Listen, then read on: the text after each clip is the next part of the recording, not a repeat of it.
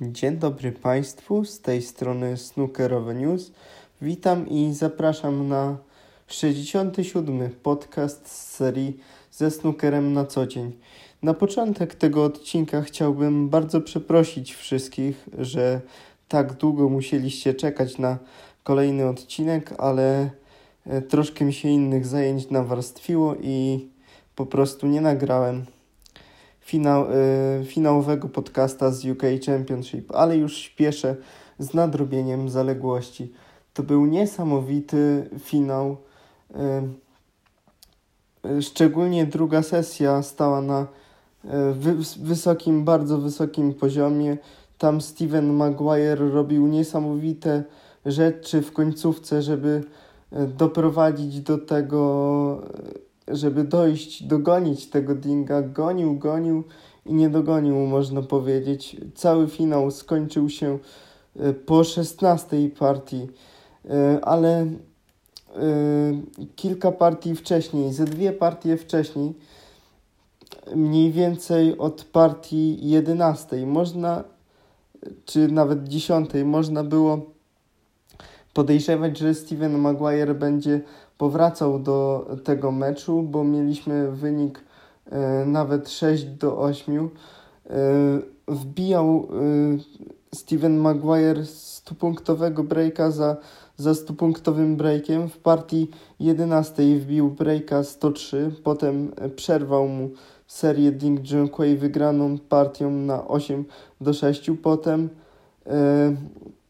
kolejne dwie partie również wygrał setkami Steven Maguire, ale potem już y, nie dał rady y, dalej trzymać Ding Junqueya na bandzie, nie wytrzymał taktycznie, zagrał minimalnie za grubą y, w czerwoną w partii 15 i to y, zadecydowało tym, że kolejne y, dwie partie z punktowymi breakami wygrał Ding Junquei. W całym pojedynku było ich aż 7 i e, niesamowita była skuteczność e, obu snookerzystów, zarówno na wbiciach e, była imponująca tam w pewnym momencie było 96%, chyba do 95% Steven Maguire miał taką skuteczność w drugiej sesji no i tylko można by się zastanawiać, co by było, gdyby Steven Maguire zagrał tak świetnie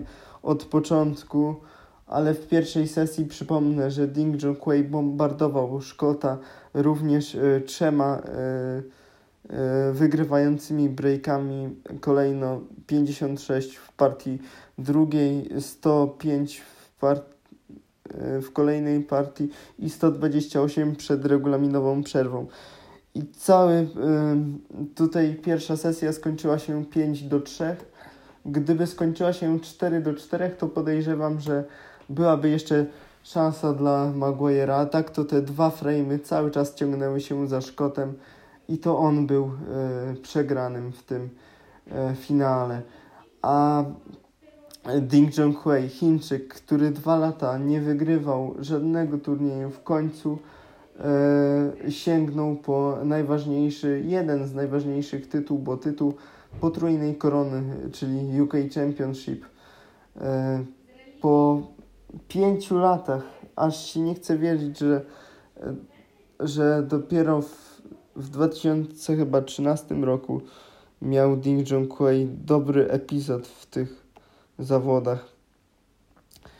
Ale teraz szybko przejdę do Szkocji, bo tam już się dzieją niesamowite rzeczy. Wczoraj y, grali nasi obaj reprezentanci. Niestety y, Adam Stefanow przegrał w decydującej partii, w partii y, siódmej, co było dla mnie zaskoczeniem, ponieważ wydawało mi się, że tutaj po tak dobrym starcie, jakim miał Adam Stefanow w pierwszej partii wygrał bardzo y, taką szarpaną partię 54 do 33. Potem zremisował y, David Grace, jego angielski przeciwnik, ale potem wydawało się, że Adam Stefanow znowu odzyskuje kontrolę, bo Polak wyszedł na dwuframe'owe prowadzenie.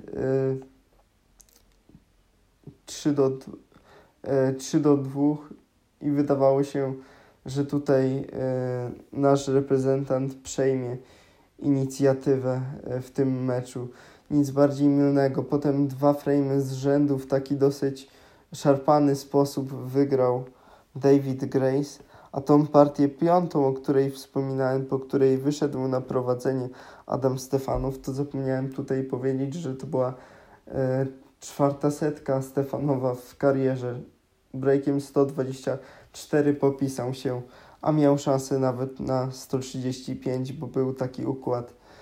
Ale to nie był koniec y, występów polskich zawodników Niestety Adam musiał, y, tak jak powiedziałem wcześniej, w Deciderze uznać wyższość Anglika Davida Grace'a, który y, wytrzymał presję i lepiej się odstawiał, lepiej wytrzymał to ciśnienie. No niestety zabrakło niewiele, ale jednak zabrakło. Za to y, nasz kolejny reprezentant Kacper Filipiak zmierzył się z Cypryjczykiem Michaelem Georgiou i tutaj od samego początku Kacper trzymał e, presję, e, wyszedł na 2-0 w bardzo ładnym stylu, szczególnie ta druga partia, która była taka szarpana, e, bardzo bliska partia, wygrał ją warszawianin 84 do 77, tutaj czapki z głów.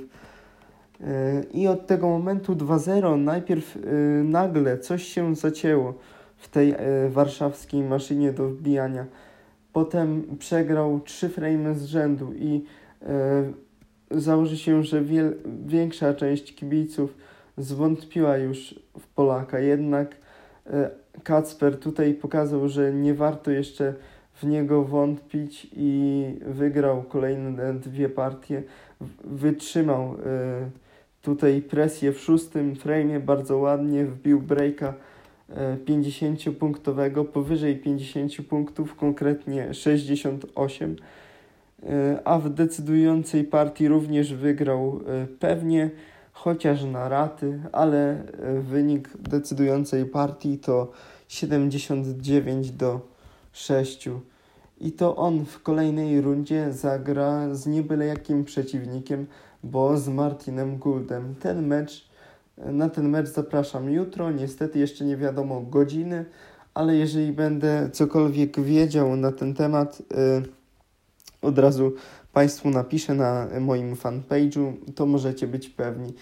Jako ostatni smaczek tego podcasta zostawiłem sobie y, oczywiście Roniego Sullivana, który Dzisiaj odprawił kolejny cyrk. Grał tutaj z bardzo sympatycznym i lubianym zawodnikiem, czyli Dominikiem Dalem.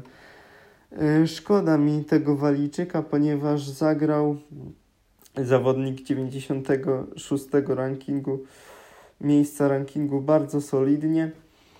E, wyszedł na 2-0 e, prowadzenia. W drugiej partii nawet wbił breaka 59-punktowego.